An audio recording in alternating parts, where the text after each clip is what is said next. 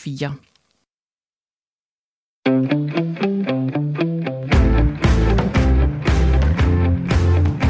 Du lytter til Sportsugen med mig, Claus Elgaard.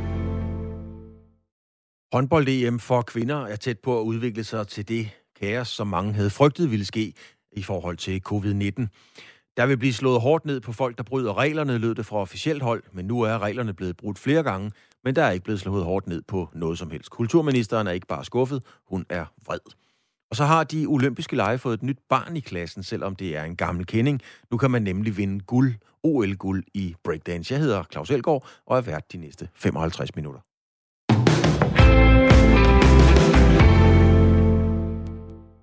Håndbold-EM for kvinder er i fuld gang og lever et liv under covid-19's svøbe. Fra start af var der lagt op til alvorlige restriktioner, hvis de stramme coronaregler blev brudt. Det gjorde Rusland så, uden at kigge sig tilbage, vade den russiske træner ud af den såkaldte røde zone for at hilse på en bekendt. Det kom der en advarsel ud af, og i øvrigt ikke noget ellers. Og ved andre lejligheder er de stramme regler som endt også blevet brudt helt uden sanktioner. På den sportslige side går det vel egentlig ok for Danmark. De danske kvinder er klar til mellemrunden efter to sejre og et nederlag. Og her i mellemrunden venter så Sverige, Spanien og Rusland. Jeg talte for en lille times tid siden med TV2's håndboldredaktør, det er Dan Philipsen, om situationen omkring corona, de danske chancer, og om kampene indtil videre er gået som forventet. Ja, det synes jeg egentlig, de er. Øh, de to første var lidt bedre end forventet, og så var den sidste jo egentlig ganske fin, når man husker på, at, man, at Danmark mødte Frankrig, som må regnes som et af verdens to-tre bedste hold, Øh, altså op i en kategori, hvor Danmark altså ikke er. Men jeg tror alligevel, at skuffelsen efter Frankrigskampen var lidt større, end den normalt ville have været efter sådan en type landskamp. Fordi at man efter de to første fine kampe og den fine medvind landsholdet havde fået i det stykke tid, havde troet, at Danmark var tættere på og havde ryddet ud, i no, ryddet ud i nogle af de der dårligdomme, som var på, det, på landsholdet tidligere. Men der var stadigvæk spor af noget af det der panik og usikkerhed i visse dele af spillet, som man håbede på var væk, men som så ikke er helt væk endnu. Så alt i alt øh, godkendt med en, en anstændig pil opad indtil nu. Godkendt. Så er der jo træneren Jesper Jensen, som har afløst efter Claus Brun, og de er jo øh, nogle forskellige typer. Ser du et hold, altså øh, da vi vandt EM i fodbold, så kæmpede hele holdet for Ricardo. Har vi et hold her? Har vi en enhed, der kæmper for træneren? Ja, det kan jeg love dig. De er meget, meget begejstrede for Jesper Jensen, og det, det var det jo sådan set også for Claus Broen. Det var ikke fordi, at det var et, et mytteri, et halvt hold, der ikke ville den tidligere landstræner. Det var ikke det, deres problemer handler om. Det var noget helt andet. Men ja, de er bag Jesper Jensen. Han kommer og gør tingene på en helt anden måde. Er en enorm øh, uh, likable øh, type, og, og håndboldfaglig helt enormt dygtig, som man også har respekten for ham, øh, for ham den vej op. Han går meget op i det enkelte menneske. Og så startede han jo med på den allerførste samling og at vise, fortælle om sig selv, fortælle om sin egen sårbarhed og øh, sine egne svagheder. Øh, og han startede med at fortælle, at han rent faktisk var et introvert menneske, hvilket er, er, er et stærkt sted at starte med, med, med en spillertro, med, med at, at krænge sin sjæl ud over for nogle spillere, der ikke rigtig kender ham.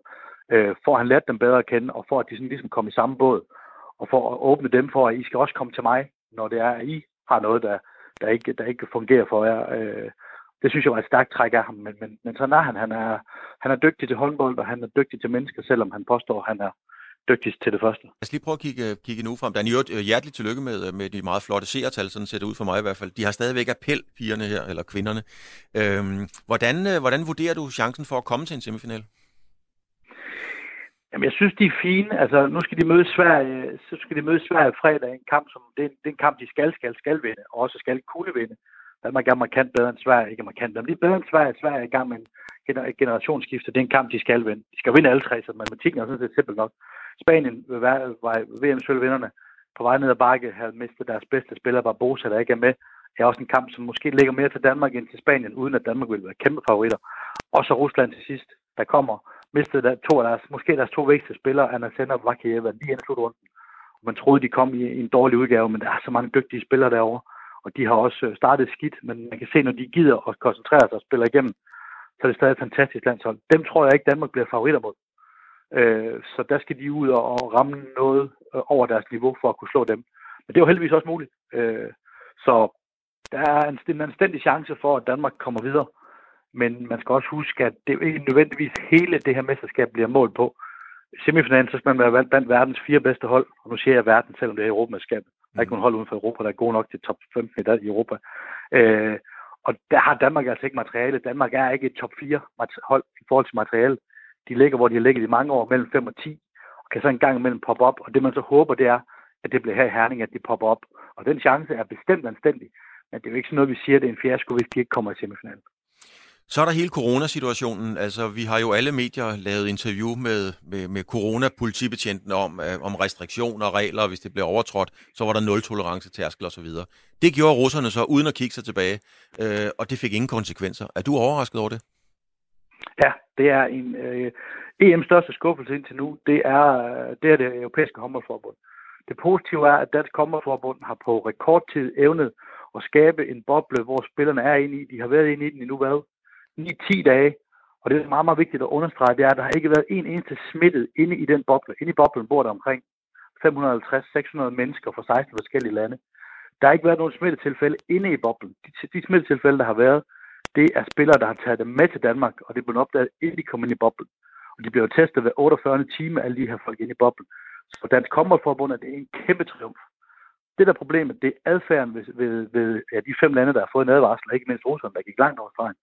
Øh, det adfærden er noget galt med, det er ikke boblen er noget galt med. Og derfor var det så godt, at John Monsen kom ud den anden dag og sagde, det der, det forventer jeg, det bliver bedre underforstået. Hvis I ikke kan finde ud af det, så lukker vi skidtet. Sådan så EHF kunne gå til de her 600 mennesker, der bor i den boble og sige, hvis I ikke opfører ordentligt, så kan I bare rejse hjem, for så lukker danskerne der medskab. I er her på den danske befolkning og den danske regerings nåde, og kan ikke finde ud af at opføre ordentligt, så ryger I hjem, så lukker man mesterskabet, hvilket vil være en katastrofe og en økonomisk losing, som håndbold slet ikke har råd til. Så jeg tror, alvor er gået op for dem nu. Jeg tror ikke, vi ser nogen, der dummer sig igen. Og hvis det er, så bliver EHF nødt til at være virkelig, virkelig strikse og smide folk ud. Men det skulle de have gjort allerede altså tidligere i forløbet. At, at alle stadigvæk er der af dem, der har dummet sig. Det er en, en, en decideret skandale af det europæiske håndboldforbund. Og, øh, og respektløst over for det danske håndboldforbund, der på få dage reddet det her mesterskab og reddet en, en 62 millionregning for det europæiske håndboldforbund. Og det er det så takken, at man optræder så vagt som man har gjort i den her sag. Så DHF skal stå skoleret over for øh, Kulturministeriet, som de har fået lov til, som har givet dem lov til at arrangere det her mesterskab, hvis de kunne styre det. Og det har de jo vist, de godt kunne, men aktørerne har opført sig åndssvagt. Øh, som sagt, jeg tror, det er gået op for folk nu. Vi kommer ikke til at se det der igen, og det her mesterskab skal nok glide stille og roligt igennem, medmindre der kommer en ravne i boblen, og der kommer corona ind i den. Men det er der intet, der tyder på øh, indtil nu, at der skulle komme. Så vidt altså TV2's håndboldredaktør Dan Philipsen, der kalder det en skandale øh, og åndssvag opførsel, at der ikke er nogen, der er blevet sendt hjem, fordi de har, øh, har brudt de stramme coronaregler. Og hvad har de så at sige til deres forsvar i det europæiske håndboldforbund, der altså står for EM? Hvorfor fik den russiske træner lov til at blive i turneringen? Det lykkedes faktisk tidligere i dag Radio 4 morgen at få en snak med Martin Hausleitner. Martin Hausleitner er det, der hedder Secretary General i EHF, altså det europæiske håndboldforbund. Her forklarer han beslutningen og forholder sig til, øh, om der nu i virkeligheden også er corona-nul-tolerance ved EM i håndbold. I, I think um, that uh, you have to know all the circumstances in, in, a, in a very detailed way um, to understand uh, also the decision. And uh, it was, of course, it was a violation of uh, um, the guidelines and our protocol. Uh, but also the guys, uh, the, this trainer um, met have been tested uh, in, in another soon, and uh, so the basic uh, danger was uh, reduced to a minimum. But of course, it was a disastrous picture um, to the public, and there was not only a warning but a lot of guidance matter with the Russian um, team and uh, the, the, Russian coach, as well as the uh, guys uh, he met at the zone. And of course, we were not happy, but it is also our obligation to guide uh, more than 800 people through this concept, which is quite tricky and complicated, as uh, no one had experience uh, before with this concept. All right. My, my colleague will just uh, translate a part of your answer, Martin Hasleitner. Ja, øh, han siger, at øh, du skal kende alle omstændigheder for at forstå beslutningen, og det var selvfølgelig en overtrædelse af vores protokol og guidelines, men den basale fare var på et minimum. Øh, så siger han så, Martin Hasleitner, at vi var øh, selvfølgelig ikke tilfredse med det, øh, der skete, men det er vores ansvar at guide mere end 800 mennesker, og det kan være ret øh, tricky. With immediate effect, it says Martin Hausleitner. How is it that the Russian coach is, is still part of the tournament when your own rules clearly states that he must be sent home? Um, because the of, every rule has um, um, somehow um, a range. If the Russian coach would have left, for example, the hotel for, for several hours or even for going shopping and had uh, contact to not tested people. So uh, it is about the range of the mistake. And uh, the EHF considered this as a minor um, mistake. And so uh, we take the choice to let him in the tournament. And the additional met, uh, measure was that he was uh, tested and is still tested on a daily basis. Ja, altså fordi alle regler har et spektrum, hvis det her det bliver tolket som en, en mindre overtrædelse, øh, øh, hvis træneren havde øh, forladt hotellet i flere timer, var gået for at shoppe, havde det været en anden sag. What do you have to do to be thrown out of the European Championships? Martin Hausleitner. Um, I, from now on, uh, I have uh, stated already before um, that there is a zero tolerance uh, policy And of course, um, also at the beginning of the tournament, it had to make clear to the participants what is uh, a mistake and what is not a mistake. As uh, you can imagine, if 800 people are coming uh, and uh, going into this concept, there are a lot of open questions, and uh, we had to uh, reshape also the concept. had to do measures also at the venue to make the, red zone uh, more visible, for example, uh, had uh, some adaptations in the test regime, and um, consequently, um, it was also would also not be fair if uh, things are not clear to take immediate the strongest measures. Han siger her, fra nu øh, af er der nul tolerance. Også i begyndelsen af turneringen skulle det gøres klart, øh, hvad der er en fejl, og hvad der ikke er en fejl. Altså, hvornår man øh, gerne må bevæge sig udenfor. Det må man jo så overhovedet ikke. Det har jo sådan set været tydeligt nok. Men altså, hvad der er fejl, og hvad der ikke er. Så siger han også, Martin Hausleitner, vi skulle gøre den røde zone mere tydelig. Det ville heller ikke være fair, hvis man ikke vidste, at, at det ville være en overtrædelse af reglerne, og man så bare blev sendt hjem. So, final question, Martin Hausleitner. Uh, will the, if this uh, thing happens again, a high five going on from blue to red zone, two persons on each uh, side of the line. If that happens tomorrow, will the person uh, be sent uh, sent home then?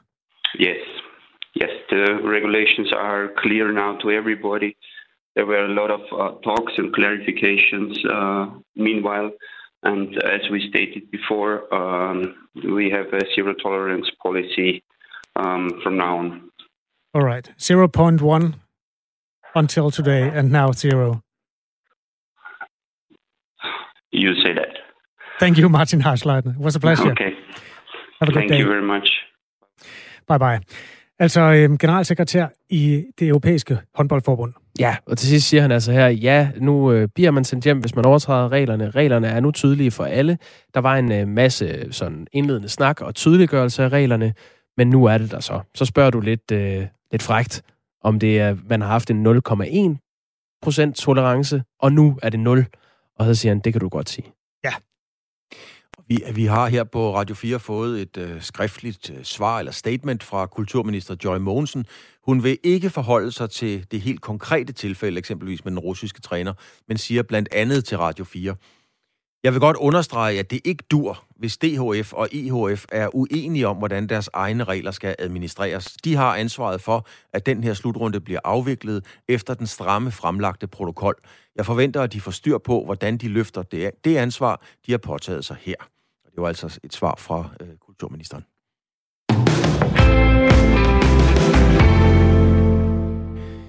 I aftes blev der igen spillet Champions League i Herning, og igen var Radio 4 med på stedet og på banen. Vi sendte min kollega, det Niklas Stein, afsted øh, til Heden for at tage temperaturen på FC Midtjyllands forløbet sidste dans med de aller, allerstørste, og nok så vigtigt, de danske muligheder for igen at komme med i Champions League.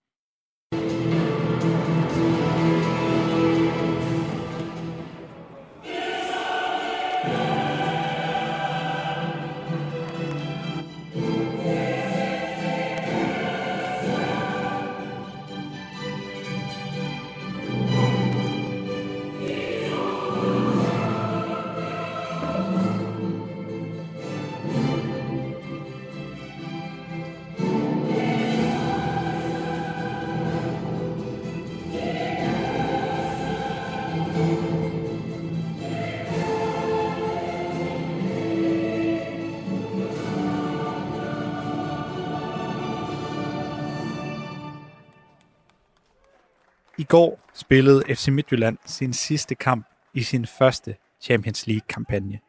Så nu rejser spørgsmålet sig igen. Hvornår får vi næste gang et dansk hold i Europas mest prestigefulde turnering?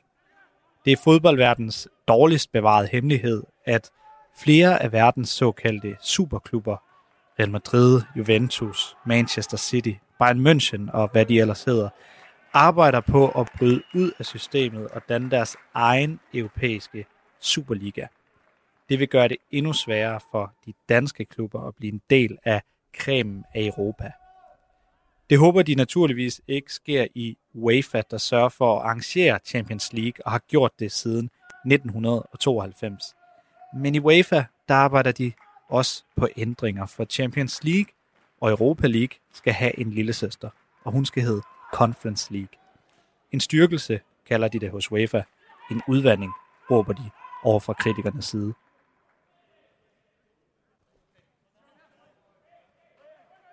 Og midt i alt det her, der stod FC Midtjylland altså indtil i aftes. Som en del af Champions League med en sidste runde kamp mod mægtige Liverpool. Og godt nok stod FC Midtjylland ikke med en chance for at gå videre i turneringen, men alligevel var kampen ikke helt uden betydning. En sejr over de engelske mestre, det vil nemlig konsolidere Danmarks 15. plads på den såkaldte koefficientliste, der rangerer de bedste lande i Europa. Og på den måde bestemmer listen, hvor mange pladser til UEFA's turneringer, som de enkelte lande skal have. En 15. plads vil, som det ser ud lige nu, give Danmark to pladser i Champions League-kvalifikationen for første gang nogensinde. På den måde var kampen mod Liverpool altså ikke helt uden betydning for hverken FC Midtjylland eller for dansk fodbold. Det tog jeg i aftes til Herning for at følge med i.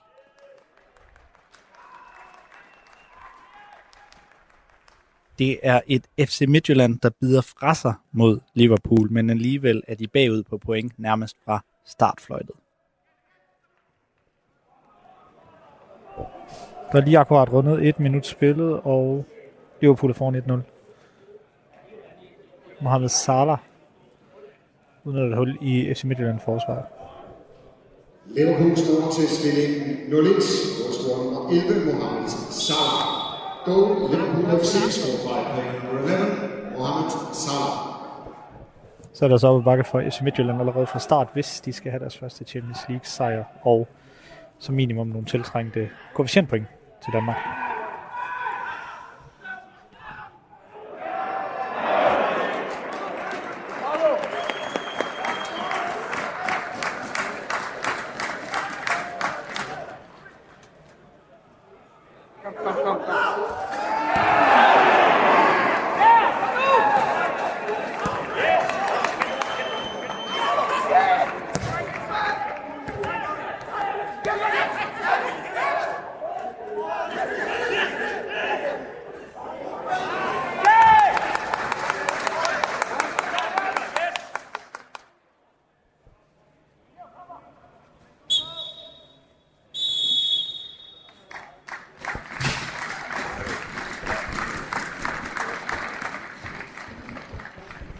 Og på den måde fik vi afsluttet første halvleg i kampen mellem FC Midtjylland og Liverpool i Herning.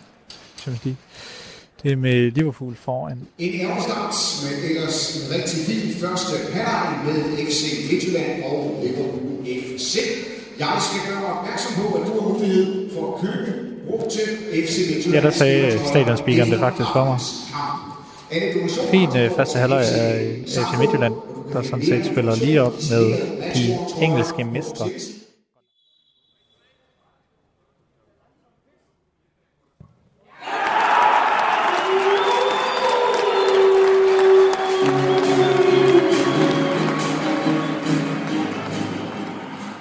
Men tingene ændrer sig i den grad i anden halvleg. FC Midtjylland udligner til 1-1 mod et Liverpool-hold, der består næsten ligeligt af unge reserver og de store stjerner, vi er så vant til at se, når der blændes op for Champions League i fjernsynet i midtugen og Premier League om søndagen.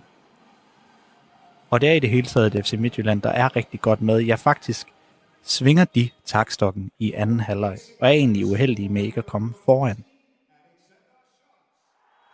FC Midtjylland bringer sig endda foran 2-1, men VAR-systemet annullerer Alexander Scholz' scoring.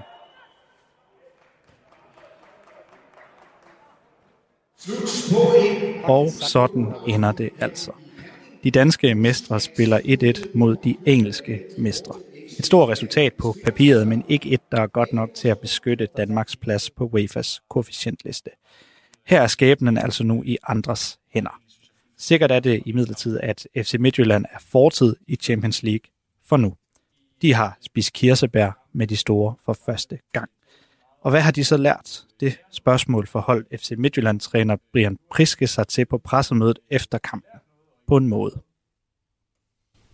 Ja, jeg, jeg, jeg tror også, jeg sagde det på, på pressemødet før, øh, før den her kamp, at øh, jeg tror lige nu er ikke øh, sådan tidspunktet, hvor, hvor de helt store øh, øh, tanker i forhold til refleksionen af de her seks kampe, de, de lige står allerførst øh, for. Øh, lige nu der, der har der været så mange øh, kampe i, i, i, i hovedet på, på, på mig, og en masse kampe i benene på, på de her drenge også, at øh, lige nu er der sgu tid til at reflektere øh, voldsomt over de forskellige ting, fordi det, der, der ligger allerede en kamp øh, og venter igen om, om fire eller fem dage. Øh, så på et eller andet tidspunkt vil jeg sgu rigtig gerne dele mine, mine tanker i forhold til, hvad det vi har, har lært osv. Umiddelbart på, på bagkanten lige nu her, så er der ingen tvivl om, at kvaliteten, tempoet, niveauet på modstanderne i Champions League og, og dem, som vi har mødt, er, er, er stor og kræver det maksimale af, af de her spillere. Øh, og det synes jeg, at vi har vist, at vi har niveauet til. Vi har bare i, i for mange af kampene manglet at sætte det sammen over 90 minutter. Men jeg synes allerede fra kamp 1 til kamp 2, øh, så, så jeg store fremskridt. Jeg synes, vi, vi spiller en rigtig, rigtig flot øh, kamp på Anfield, øh, hvor vi egentlig fortjente at få noget med derfra. Øh, og hjemme mod, mod Ajax også. Så, så jeg synes overordnet set, så, øh, så har vi tilpasset os niveauet øh, løbende. Og, og de sidste to kampe, øh, synes jeg er med til at understrege det. Ja, hvis man gerne vil have flere danske hold i de store europæiske turneringer, så var der en mulighed for i aften i fjernsynet at se kampen mellem hollandske PSV. De møder Omnia fra Kyberen, det er i Europa League. Det er nemlig Kyberen, der lige nu tror med at overhale Danmark på det, vi altså kalder koefficientlisten. Og det kan de gøre, hvis øh, Omonia vinder over PSV. En PSV-sejr eller en uafgjort er nok til, at Danmark holder fast i 15. pladsen, og den er altså vigtig, og på den måde fastholde håbet om to kvalifikationspladser til Champions League fra 21-22 sæsonen.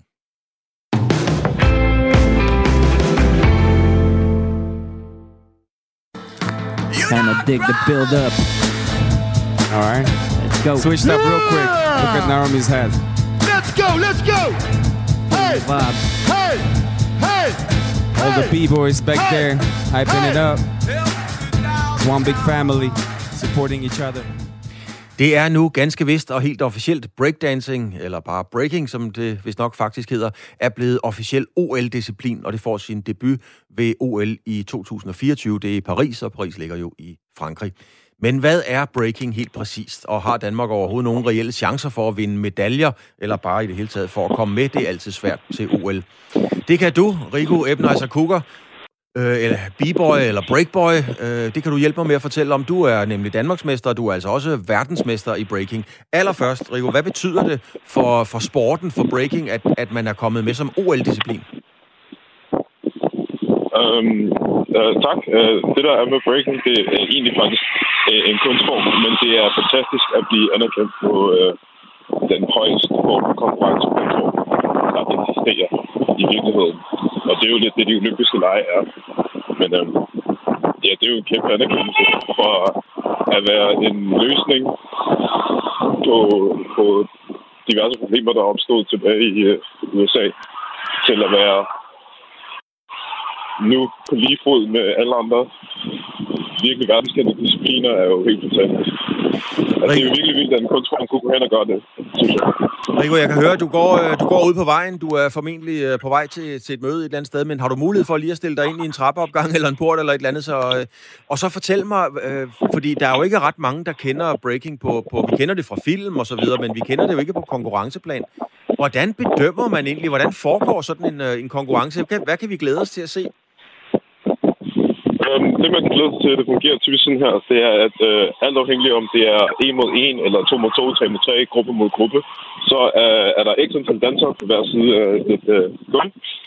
Og så har man øh, typisk øh, tre dommer, eller fem, eller syv dommer, øh, i tilfælde af, at det skulle gå hen og være en, øh, en uafgjort beslutning, så man helst gerne undgå det med et øh, ulige tal. Men Så det, der sker, det er, at man går ind runde for runde. Så det vil sige, at den ene person starter med at lave sin solo, og så skal den anden person svare. Øh, og prøve ligesom at ligesom gøre det bedre, og prøve at danse bedre, og ligesom vise, hvorfor man er bedre. Og så derfra laver dommerne deres beslutning. Og så gennem tidens løb har man kunnet lave forskellige systemer, som hedder øh, hver eneste runde. Så hver danser danser én gang hver, og så stemmer dommerne på, hvem de synes vandt den runde. Og så er det bedst ud af tre, eller bedst ud af fem, eller bedst ud af syv. Og det er bare en af de mange former for øh, bedømningssystemer, man har. Så det er egentlig ret lige til. Det er ret nemt at se. Men, men som publikum ser man typisk øh, midt under en battle, som det hedder, hvem man egentlig synes er sej, eller hvem man synes skulle vinde, fordi de danser flest, eller har mest karisma, og så videre, så videre. Der, der er ingen tvivl om, at 10 minutter. musikken, er, musikken er jo formentlig vigtig. Altså, må I tage jeres egen musik med, eller, eller kommer øh, OL med noget musik, og skal alle bruge den samme musik, eller hvordan fungerer det? Nå, jeg er næsten sikker på, at der bliver hyret øhm, diverse DJ's ind, som allerede er øhm, de førende DJ's fra, fra breakscenen til at dreje. Og nej, det er aldrig nogensinde... Altså, der er jo selvfølgelig nogle DJ's, der laver bestemte træningsmixtapes eller øh, til arrangementer og til battles, og så kender man måske nogle af deres sange. Men for mest af tiden, så ved du ikke, hvad der bliver spillet. Det er relativt nyt. Det gør det også lidt frisk hele tiden frem for, at det er noget, man selv tager med og træner, fordi så bliver det mere koreografi, end det bliver mere øh, i moment battle. Man ser jo, Rico, nogle gange i, øh, i breakdance, hvor der er, øh, i bevægelserne og dansen er meget symbolik. Altså det kan være, at man trækker en kniv, eller fingerer, at man har en pistol, eller et eller andet, som, som jo skal... Alt det, man ville have gjort, hvis man havde været op og slås. Men øh, det hænger jo ikke sammen med det olympiske kodex. Må man sådan nogle ting? Uh, man har jo en grundregel i break, som hedder, at man ikke må røre. Man må ikke røre hinanden. Og uh, alle de der symbolikker, det er jo bare det er bare visuelt sprog for at vise, at man er uh, hårdere eller sejere. Men uh, altså, det er jo en del, det er jo en del af kulturen. Um, der er jo nogen, der er rigtig dygtige til det, som går hen og gør det, uh, gør det på et, en form for måde, hvor det faktisk ser næsten uh, sådan lidt poetisk ud. Og så er der bare dem, der er super aggressive. Men det ligger bare til deres stats. De er bare aggressive mennesker. Men altså, det er ikke noget, øh, det er aldrig noget, der skal gå hen og tage overhånd, eller blive alt for voldsomt, fordi man må ikke røre, og det har man, det har man vist lige siden. Regel nummer et, no touching. Lige Så til det sidst, skal ikke være noget problem, tænker jeg. nej, lige til sidst, øh, Rico, altså 2024, øh, når man er topatlet, der er jo mange år til 2024 i den verden. Er du øh, med til OL der, tror du? Øh, det håber jeg da, hvis jeg, øh, hvis jeg er så heldig at blive udvalgt til det danske hold.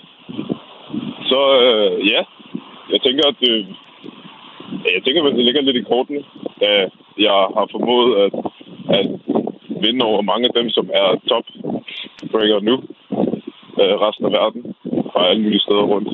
Så det vil være fedt, men øh, det er i sidste ende ikke min beslutning, men man kan da bare håbe. Man kan bare og ellers er jeg ja, Ja, men det er godt, øh, Rico Kukker, altså Danmarks dansk og verdensmester i breaking. Tak for, øh, du lige gav os et indblik i, hvad det er, vi kan glæde os til 2024 i Paris. Tak skal du have. det var så Break er altså nyt på det olympiske program, og til det kommende OL i 2021 kan man blandt andet også se skating, skating klatring og surfing som nye sportsgrene ved OL. Og nu har jeg Kenneth Kortsen med. Kenneth, du er jo lektor i sportsmanagement og har forsket i, i sportsbranding. Er det her et oprigtigt forsøg på at få fat i den unge generation fra den internationale olympiske komités side, eller handler det her om, at man vil åbne op for nogle, skal vi sige, subkulturer, markeder, altså hvor der bare ligger nogle flere penge, fordi der ligger nogle, nogle, nogle basører i sponsorater, tøj og merchandise. Hvad går det her ud på, Kenneth? Jamen, det handler både om at få fat i den øh, unge generation, men det handler jo også om det kommercielle, som du er inde på i dit øh, spørgsmål, Thomas Bach. Øh, IOC-præsidenten har jo tidligere flere gange øh, understreget behovet for at række ud til de her yngre segmenter, og det synes jeg giver god mening, da mange af de yngre generationer, de jo er vokset op i en tidsalder med mange valg på, på hylderne, og, og, og det, skal, det skal rettighedshavere inden for sport, inklusiv IOC, jo, jo tænke over. Så de kan ikke længere bare hvile på laverbærene og, og regne med, at øh, kunderne kommer i butikken af sig selv. Og der synes jeg, der synes jeg det her det er et tegn på innovation. Det er også et tegn på, at IOC ønsker at være, være tidsvarende og vise, at de, de også evner at interagere med de her yngre segmenter og imødekomme øh, de her segmenter eller yngre generationer ved at ændre på, på det eksisterende udbud af, af sportsgrene. Og, og på den måde øh, bliver det jo også for mig at se et, et spørgsmål om, at IOC med sin status skal vise, at de kan være med til at, at give så vel etableret som nye sportsgrene en scene for, for udvikling og, og på den her måde, så kommer der jo også en ny milepæl for, for OL i Tokyo på samme måde, som vi har set det tidligere i OL-historien. OL i 1984 i Los Angeles blev kendt for, for den milepæl, der tog OL til nye kommercielle højder. Så jeg ser det som både og. Men altså det her med at, at udvikle og følge med tiden, altså med alt respekt for, for, for breaking og, og, og, og surf og så videre, altså det virker jo lidt ligesom dengang vi gik ned på tanken og lejede en moviebox, tre film og så tog en citronmåne med hjem. Altså det er meget, det, det er meget retro. Øh, er det her designet udspekuleret rent kommercielt? Ja, det er, det er helt klart øh, det er helt klart strategisk. Altså selvfølgelig vil tiden vise, hvordan de her nye sportsgrene kommer til at præstere på den store scene, som OL jo også er garant for, hvordan de påvirker opfattelsen af, af OL blandt nye mål, målgrupper. Men, men det her det er jo et spørgsmål om, at, at man vil spille på nogle demografiske, geografiske og, og særligt psykografiske variable, fordi øh, livsstil spiller ofte en afgørende rolle for de her tilhørende forbrugsmønstre og kommersielle øh, overvejelser. Og, og der, der synes jeg, at det her er interessant, fordi Øh, både når man kigger på det fra IOC's side, men også fra de øh, nye sportsgrenes perspektiv, så det her er jo en kæmpe mulighed, for, fordi typisk så er der jo tale om subkulturer, som du er inde på, eller niche sportsgrene, sammenlignet med eksempelvis fodbold, som er verdens mest populære idrætsgren. Og, og nu får man lige pludselig skabt øh, fra begge sider af bordet en, en helt anden rækkevidde og potentielt global øh, løftestang, og, og pludselig så står de her sportsgrene som en del af den største hvad kan man sige, samlende sportsbegivenheder over tid på tværs af såvel sportsgrene og kultur, og det, det, det, synes jeg er, det synes jeg er interessant, fordi der er jo en kontinuerlig interaktion mellem IOC og forskellige sportsgrene, og så det, som IOC og sporten er til for folket. Men der er jo helt klart også noget merchandise. Der er noget i de her livsstilsportsgrene, altså surf, break, klatring osv. Øh, der er nok mere tøj at smide over disken for, for Nike, øh, Adidas og hvad, hvad de ellers hedder alle sammen, end at sælge en håndboldtrøje. Altså, øh, hvad, hvad er det ved de her livsstilsports ting, som, som økonomisk er så, så attraktiv? Jamen, du er jo inde på det her, fordi det, det er jo også noget, som mange gange falder uden for de, de største øh, brands øh, rækkevidde. Altså nu nævner du Nike og Adidas, så de koncentrerer sig ofte om mere populære sportsgrene. Jeg ved godt, at Nike også har en division i relation til skateboarding osv., men, men det, der mange gange er på spil i forhold til til, til de her sportsgrene, det er jo netop kultur, identifikation og livsstil. Og, og, og øh, inden for forskningen vil man, vil man øh, kigge på det ud for det, man kalder sådan tribal behavior, eller stammelignende adfærd, der nogle gange hersker omkring de her forbrugsmønstre. Altså hvis man tænker på, på mærker som Billabong, eller Quicksilver, eller Van, så er det jo øh, så det er jo nogle trends, som lige pludselig er blevet til i, i forbindelse med udviklingen af de her sportsgrene. Og der har bare været et enormt medfølgende forbrug. Øh, og det er jo også interessant at, at, at kigge ind i, ikke? Så hvis man, hvis man kigger på, at, at der kommer nye sportsgrene til, til OL-programmet, så er det jo noget, som IOC løbende har, har, hvad hedder det, overvejet, både i forhold til, hvordan de respektive sportsgrene kan bidrage til den kulturelle arv, som de store mega-events, som OL altid efterlader, men jo også, hvordan de både passer ind i de olympiske værdier, samt populariteten blandt den her yngre generation, og derigennem den kommercielle appeal, som, som de her sportsgrene jo også rummer. Og lige til sidst, øh, Kenneth, det er altså nu for eksempel skak. Det er det, vi kalder en tankesport. Mm-hmm. Øh, ja. Kunne man forestille sig, at øh, vi på et eller andet tidspunkt fik et, øh, et, et OL i livsstil, altså hvor det var livsstil sportsgrene, og så var der simpelthen et, et OL i det, ligesom der er et OL i skak? Ja, Jamen, jeg tror, det der, det der jo altid vil være på spil, det vil jo være den her øh, interaktion mellem det konservative og det, som, som de olympi, olympiske ringe jo også øh, manifesterer.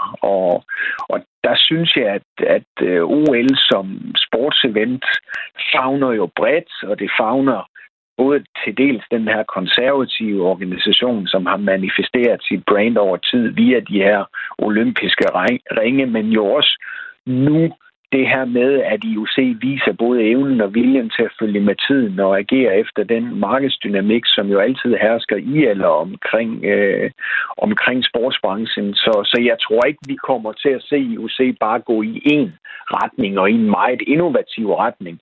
Men det interessante omkring de innovative perspektiver, det er jo, at man kan øh, aktivere brandet, både IOC's brand, de olympiske ringe, men også sponsorer og, og andre rettighedshavere, der, der køber ind på en helt ny og, og, og innovativ måde. Altså nu er der kommet meget fokus på det innovative og det datadrevne i moderne sport, og der er skak jo også interessant i forhold til uh, the man versus the machine, ikke? Altså kan, kan mennesket og de ypperste skakspillere slå maskinerne osv., så, videre. så der er masser af interessant aktivering, man vil kunne lave ved at og, og tage dens, øh, den form for nye sportsgrene med ind i det olympiske program.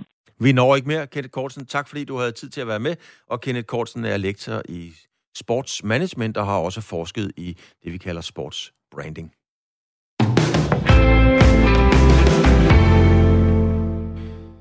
Og så noget mere traditionel sport, fordi i denne her uge fandt vi herrelandsholdets kommende modstandere til VM-kvalifikationen. Der skal jo spilles VM i Katar i 2022. Og de navne eller lande, der blev trukket op af hatten, det var Østrig, Skotland, Israel, Færøerne og Moldavien eller Moldova. Det bliver modstanderne i en pulje, som flere eksperter allerede har kaldt let. Nu skal vi høre, om det nu så også kan passe, fordi vi har nemlig en anden ekspert, og det er vores helt egen Dan Grønbæk. Øh, du dækker fodbold for os på Radio 4 og bestyrer det ugenlige fodboldmagasin øh, 4 på foden. Dan Grønbæk, Moldova, Færøerne er så små nationer, at det må være sejre, skal vi sige, som man kan tillade sig at forvente. Så lad os fokusere lidt på de, øh, på de, på de andre lande. Hvis vi starter med Østrig, hvad er det for nogen? Jamen, Østrig er, en, er jo, øh, vil jeg sige, øh, umiddelbart et, et land, som ligger meget tæt på det danske. Øh, umiddelbart. Altså, vi har mødt hinanden ni gange, når man kigger tilbage i historien. Øh, sidste gang, det var en venskabskamp i 2018, hvor Danmark vandt øh, 2-0. Østrig har til gengæld en lidt dårligere slutrundestatistik end Danmark. Altså, de har ikke været med til VM siden 98, øh, og, og, og derudover så, så må vi sige, at det er et hold, der har enkelte stjerner, men, men derudover har et hold, der ikke er, er dækket ind, øh, der ikke på den måde er, er navne, man, man selv som relativt ihærdig fodboldfan øh, kender til. Altså, øh, vi kender alle sammen sådan som David Alaba, der er forsvarsspiller fra, fra Bayern München, øh, Marcel Sabitzer, som man i øjeblikket kan se øh, øh, øh regere rundt på dobbelt midtbanen for, for Champions League-holdet RB Leipzig, øh, også fra Tyskland. Og det er jo i Tyskland, man finder mange af de, af de dygtige spillere fra Østrig. Altså, de gør sig i klubber som Wolfsburg, i Hoffenheim, Frankfurt og, så videre. Øhm, så, så det er uden tvivl, det, det, det er spillere med, med gode fodboldopdragelser, men, og, og et hold, der har store profiler, men som måske øh, også godt øh, skal, være, skal være et hold, Danmark skal, skal slå på, på en god dag. Så var der jo fra det, vi kalder sidningslag 3, Danmark var jo topsidet, der trak vi øh, Skotland, og, og nogen kan huske, øh, da vi mødte dem i 86, hvor Elkær scorede jo til, til 1-0, og ja, det var så, vi vandt 1-0. Dengang, der var det jo primært øh, hård fysik, måske sådan lidt kick and rush, som det populært hedder. Men hvad er Skotland, øh, Dan, for et fodboldhold i dag? Jamen, det er et rigtig godt spørgsmål. Jeg har siddet og brugt øh, en del af mine aftener, øh, når jeg ikke lige har siddet og holdt øje med Champions League, den uge på faktisk at se nogle, nogle skotske landsholdskampe. For umiddelbart, når man kigger ned ad holdet, så er det en masse aldeles middelmåde Premier League-spillere, øh, som gør sig på det her skotske landshold.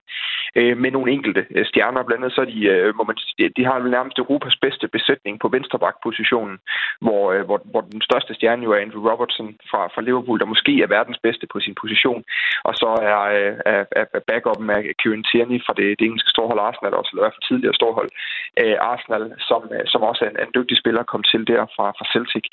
Men altså, jeg sad lidt og undrer mig over, hvad det egentlig er, de, de er gode til, og de får lavet nogle hovedstødsmål, det må man sige. Øh, det er et hold, der har lavet øh, i den seneste Nations League-spille, øh, runde, eller hvad hedder øh, turnering her nu, hvor, de, hvor der er seks kampe, der har de simpelthen lavet 156 indlæg på seks kampe, så, så jeg tror roligt, vi kan forvente, at der er nogle baks, der får noget at se til, og så må vi sætte vores lid til, at, øh, at Kær og Sanka eller, eller Kær og Christensen derinde kan, kan få clearet inden omkring Ollie McBurney, som er deres, øh, deres angriber og topscorer.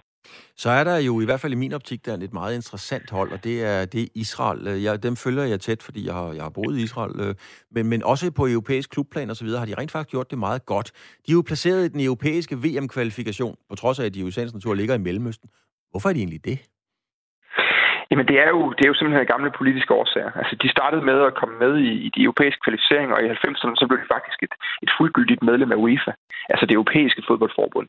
Og det, og det er jo simpelthen en gammel politik, altså at man, at man øh, selvom det ville give god mening, at de spillede deres landskampe i, det var så, der hedder den asiatiske øh, kvalifikation øh, mod, mod lande som, som Jordan og Saudi-Arabien, og så omkring dem i Mellemøsten, jamen så har det simpelthen politisk ikke set ikke været, ikke været muligt. Øh, men måske lidt samme, som man kender fra Melodi Altså mange vil, vil, vil nok tænke Israel, at det er sådan en walk-over. Er, er det det? Det, altså, det vil jeg jo ikke sige. Altså, jeg synes, Israel, når man kigger ned ad landsholdet, det er helt sikkert, nu skal lige passe på, at jeg ikke gør mig til uvenner med nogen, der jeg synes, det danske landshold er Det er en kamp, vi skal vinde. Det er der ingen tvivl om. Israel øh, ligger nummer 87 på verdensranglisten, og vi har kun tabt til dem en enkelt gang. Det er tilbage, helt tilbage i 78. Men vi må sige, at de har, de har ingen slutrunde erfaring derudover, og de har været med til VM en enkelt gang i 1970 og har aldrig været til EM. Men til gengæld så har de altså nogle spillere, altså de har en Manos Salomon, øh, som, som kommer fra Shakhtar Donetsk, en, en ung fyr, spiller normalt på kanten, men spiller mere centralt for landsholdet. Han, han er virkelig dygtig til at sætte tingene op. Og så har de altså en vaskeægte goalgetter, som de, som de nærmest kun fandtes i gamle dage. Øh, øh, knap så stor øh, rent fysisk, men, øh, men ham erfaren gut, der hedder Eran Sahavi, der nu spiller for, for PSV Eindhoven klart deres topscorer, øh, laver næsten alle deres mål, øh, lavede også næsten alle deres mål i Champions League, eller i, øh, i Nations League, de er kommet ud af. Og så er det altså et hold, der for eksempel har slået Skotland i den, i den netop overståede øh, Nations League, hvor de også hentede en anden sejr. Så, så de er ikke så dårlige, som man, som man kunne have, øh, have tænkt. Øh, og når man kigger på det sidningslag, vi har fået dem fra, umiddelbart, så, så, er der, så er der helt sikkert dårligere hold, vi kunne have hentet der, øh, synes jeg. Så, øh, så vi må se, men, men jeg synes, det er et interessant, øh, et interessant valg i hvert fald, og så kommer der jo en, en, en udbanetur til Tel Aviv, som også må sige at være lidt, lidt mere end at skulle en tur til, til Sverige eller Norge. Og så er der øh, den en helt anden boldgade, som vi også skal vende med dig, øh, fordi det er også noget, du er rigtig godt inde i. For fremtiden så bliver det endnu sværere for en dansk fodboldspiller at tage det store skridt, drømmeskridtet til det, der hedder Premier League, altså den bedste engelske række. Det kommende brud mellem EU og Storbritannien sætter nemlig blandt andet en stopper for, at arbejdskraft frit kan bevæge sig mellem Storbritannien og EU-landene. Og det gælder jo sagens natur så også for fodboldspillere. Og tidligere har vi i det her program hørt fra både spillere, agenter og eksperter, der råbte vagt i gevær om, at det i fremtiden vil blive markant sværere for EU-spillere at komme til England. Øh, nu ligger det så fast. Premier League, Premier League hedder det, har nemlig offentliggjort et nyt sæt regler der formodentlig kommer til at koste blandt andre danske fodboldspillere muligheden for et øh, velbetalt engelsk fodboldeventyr. Hvad skal der for fremtiden til, for at en dansk fodboldspiller kan skifte til et engelsk hold? Nøgletallet i det her, vi skal huske på, øh, det må du hjælpe mig med nu, Claus, det er 15. 15 er antallet af point, man skal optjene i et såkaldt øh, pointsystem for at få det, der hedder en GBE, altså en, det hedder en Government Body Endorsement. En, øh, man kan sige en anbefaling fra regeringen i England om, at man bør have en arbejdstilladelse. Fordi fodboldspillere skal ligesom kantineassistenter og rengøringsmedhjælpere og baristaer og hvad vi ellers har, skal have en arbejdstilladelse for at kunne spille i England. Så det er sådan nøglen i det hele. Så har vi altså nu udgivet det sæt regler, der gør, hvad man får point for. Og hvis vi for eksempel kigger på en øh, spillere, der... Det kunne være FC Midtjylland for eksempel. En Erik Svirchenko, som i den her sæson har spillet alle Midtjyllands kampe i, i Superligaen, i hvert fald tæt på, jamen så får han som udgangspunkt for det kun fire point. Fordi den danske liga simpelthen er rated øh, rigtig lavt i det her system. Vi er kommet ned i det her band 5, altså gruppe 5 ud af 6. Øh, og man kan sige det, vi er så langt nede, at den eneste, der er under os, gruppe 6, der er beskrivelsen for, hvem der er i den gruppe, resten. Altså det er bare resten af landene. Øh, og det siger det egentlig meget godt. Vi er placeret i, i gruppe 5, hvor vi altså er placeret sammen med, med relativt uagtede øh, fodboldnationer. Øh, og og det, kan man, det kan man faktisk også øh, være, være rigtig ked af fra, fra dansk øh, fodboldside, vil jeg sige. Så er der så nogle ekstra regler, der gør sig gældende, at en dansk fodboldspiller skal nærmest være fast landsholdsspiller, fordi vi er heldige med, at vi ligger et rigtig godt sted på verdensranglisten for FIFA. Og det vil sige, at hvis du er fast landsholdsspiller for Danmark, hvis du får øh, relativt mange af minutterne den vej over, jamen så kan du faktisk øh, sikre dig 10 point den vej igennem, og så er du lige pludselig rigtig tæt på at få de, de 15, der skal til for at komme til England. Så er der også nogle plusser for, hvis du for eksempel som Svirchenko har spillet øh, Champions League for Midtjylland her i efteråret, det giver også nogle plusser at deltage i den turnering osv. Men, øh, men det er klart, at, at fremover, hvor man har tidligere set spillere som Philip Billing, øh, andre komme til England og ligesom spille sig gode, og så komme på landsholdet. Der vil vi fremover helt sikkert komme til at se flere danskere, der spiller sig på landsholdet, og så kan det være med til at åbne døre til at komme til England. Men, men man kender det jo lidt fra, fra Danmark, hvor man har det her, der hedder forsker, hedder forskerordningen. Altså hvis, hvis man kom, øh, og det kunne også være en dansker, der kom tilbage, men så skulle man udfylde en rolle, altså have en ekspert, en ekspertise, der gjorde, at der ikke var nogen andre, der kunne udfylde den samme rolle herhjemme. Altså hvis, hvis en dansk midtbanespiller er lige så god som en anden midtbanespiller i England, er han så diskvalificeret? Jamen, de kigger, det er jo det, der er ved det her system, og det er jo der, hvor nogen kan sige, jamen det er egentlig lidt uretfærdigt over for det danske ligasystem. Fordi man går egentlig ikke ind og kigger på den enkelte spiller særlig meget. Man går ind og kigger på, hvor har du spillet tidligere, hvilket land har du spillet i, hvor meget har du spillet på landsholdet, hvor meget har du spillet internationalt, og så får du den sådan samlede pointscore, og det er altså den, der bestemmer, om du må komme ind. Så om du er en bedre midtbanespiller end din engelske pangdang, så er det bare ærgerligt. Altså, hvis ikke du har spillet det rigtige sted og fået de rigtige point, så kan du, øh, så kan du altså ikke komme til England. Man kan så sige, at det åbner jo måske op for, at, at vi vil se flere danske fodboldspillere tage til øh, udlandet, altså andre steder i Europa end England, for at hente nogle point. Hvis man for eksempel hvis man kigger i de her grupper, de er delt ind i, jamen så i, øh, i gruppe 1, som giver rigtig mange point at spille fast. Der har man sådan noget som Bundesliga, La Liga, Serie A og, øh, og Ligue 1 i Frankrig også. Så sådan en som Kasper Dolberg, der får rigtig mange minutter i Frankrig, men han vil altså have en, en relativt nem vej til, til England øh, på sigt. I, I gruppe 2, der er det den belgiske liga, den hollandske liga, den portugisiske liga og, og, og den tyrkiske øh, liga også for den sags skyld. Så der vil også være gode muligheder for at, at, at spille sig til en plads, øh, til en engelsk arbejdsforladelse igennem, igennem de, de rækker. Så, så ja, mit bud er, at vi vil se nogle, nogle danske spillere, der hvis de har drømt om at skulle spille i England, jamen så vil de være nødt til at tage en tur forbi de andre andre øh, europæiske nationer for at hente point ind, hvis ikke de allerede er faste landsholdsspillere.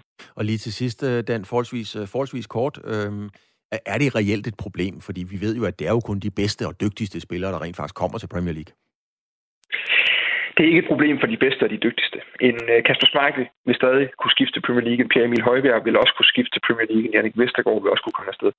Det, der er lige nu, det er til gengæld, at spillere som Oscar Bur i Wolverhampton, Daniel Iversen, målmand i Leicester, øh, det her Brentford-danskerne, som den her koloni, der er der, de vil få svært ved det for fremtiden. Så vi vil komme til at, at se problemer for de spillere, der håber at få chancen et, på, et, øh, på et mindre hold i Premier League, og så kunne spille sig op til at blive storspillere. Tak skal du have, Dan Grønbæk, altså stationsforstander på vores eget fodboldmagasin 4 på foden. Tak fordi du lige gav os indblik i det her meget, meget komplicerede system. Tak selv.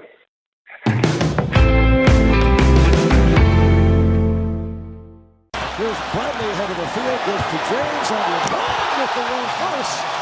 Slam dunk. Show us something, LeBron, then. Please show us that again. That's a little bit of Dominique off one leg. He used to double pump it, bring it down. This is Whoa. the new style. LeBron James. Det er kun amerikanske kommentatorer, der kan tale sådan der. LeBron James og den nye NBA-sæson er ved at være over os igen. I morgen starter det, der hedder preseason, og 22. december øh, skyder Los Angeles Clippers øh, sidste års og sidste års mestre, det var LA Lakers, officielt sæsonen i gang øh, med et brag af et rivalopgør og lokalopgør. Det kan man roligt sige. Men mens NBA-fans venter spændt og glæder sig til sæsonstart, så ulmer det med drama i Houston, Houston Rockets, hvor stjernespilleren James Harden ikke er mødt op til træning. Nu kan jeg så sige velkommen til dig, øh, god ven af programmet, Morten Stig Jensen, NBA-ekspert hos TV2. Øhm, hvad kan vi forvente? Vi vender, vi vender tilbage til, til, til, til problematikken, men hvad kan vi forvente os af den nye sæson? Uh, hej Claus, det, jamen, vi, vi kan forvente os en, øh, en, hvad skal man sige, en, en, en færre løsning, når alt kommer til alt. Fordi James Harden vil gerne væk fra, fra Houston, og øh, det, der ligger i det, det er, at han bliver nødt til ligesom at demonstrere på banen, at han stadigvæk kan levere på et højt niveau, og derfor så kan så han trade som man kalder det, faktisk kan stige. Så derfor så kommer Houston til at få nytte af James Harden på banen, han skal bare lige igennem nogle, nogle serier af negative covid-tests, og så skal han nok lige have tiltroen tilbage til trænerstaben. Men derfra, så handler det simpelthen bare om at få ham tilbage øh, på banen, så han kan levere, få hans værdi op på trademarkedet, og så kan han ryge ud til en anden klub. Altså, man må jo konstatere, at, at sidste sæson var præget af mange øh, udfordringer, hvor hele følelsesregistret kom igennem, blandt andet Kobe Bryants uh, tragiske død, Black Lives ja. Matter, og så ikke mindst selvfølgelig hele coronasituationen. Har alle de her ting sat deres præg og spor op til den nye sæson? Ja, delvist vil jeg sige. Altså for nogle af det har det helt klart, helt klart altså, ramt hårdere, end, end, end det nok skulle have gjort. Og Øh, Øh, for andre, så har de været i stand til at abstrahere mere fra det. Jeg tror, det kommer meget an på, hvem du er som spiller, og, og hvordan du egentlig angriber tingene fra en dag-til-dag perspektiv. Men jo, der ligger der helt sikkert nogle, nogle ting i baghovedet omkring, altså nervøsitet over for selve pandemien. Der, der, der ligger rigtig mange dårlige minder omkring hele 2020, eller 2019-2020 sæsonen selvfølgelig, fordi alt bare gik galt. Det var ikke kun Kobe Bryant, det var også en hel masse altså, lidt ældre NBA-legender, der nærmest øh, faldt fra på en ugentlig basis, følte det som altså David Stern, tidligere kommissær også. Det hele var bare et, et år, hvor med rigtig mange tab, og det har da, det har da helt sikkert sat sig. Øhm, og til den her sæson nu, hvor at NBA har virkelig skyndt sig for at få det hele samlet sammen, der tror jeg da helt sikkert også, det ved jeg, der er en følelse for mange spillere om, at puh, nu, nu skal vi op på hesten igen, og vi kan selvfølgelig godt lide at spille basketball, og vi elsker vores erhverv, og vi elsker at gøre de her ting. Men, men det er godt nok mange udfordringer, vi hele tiden skal igennem. Nu spiller vi igen uden fans i stadion, nogen med begrænsede fans. Og, og, og vi skal igen altså hele tiden påmindes i fire års omstændigheder om, at den her pandemi er aktiv. Og det tror jeg er hårdt for rigtig mange. Altså, jeg har kun øh, kunne finde halvdelen af NBA-kalenderen, så at sige. Øh, ja. hvor, hvorfor har man valgt at gøre det på denne her gang i år? Jamen, det har man simpelthen gjort af, af to, øh, faktisk to år. Så den ene, det var, at man blev simpelthen nødt til at få noget ud sådan lidt med det samme, og det er en, en ret øh, svær proces, hvor det hele sat op. Men noget andet er faktisk, at vi bliver nødt til at planlægge for eventuelt aflyste kampe på grund af positive øh, coronatests. Så det, de egentlig gør, det er, at de køber sig tid. De, øh, de mere eller mindre, hvis den første halvdel af sæsonen kommer til at være fyldt med, med aflysninger, jamen så, når, så kan de nå at planlægge deres vej ud af det til nogen anden halvdel af hvad hedder det, kampprogrammet, det som bliver udgivet, hvilket nok er i slutningen af februar. Så det er simpelthen for at, at gardere sig og kunne være i stand til at planlægge ekstra for øh, eventuelle aflysninger.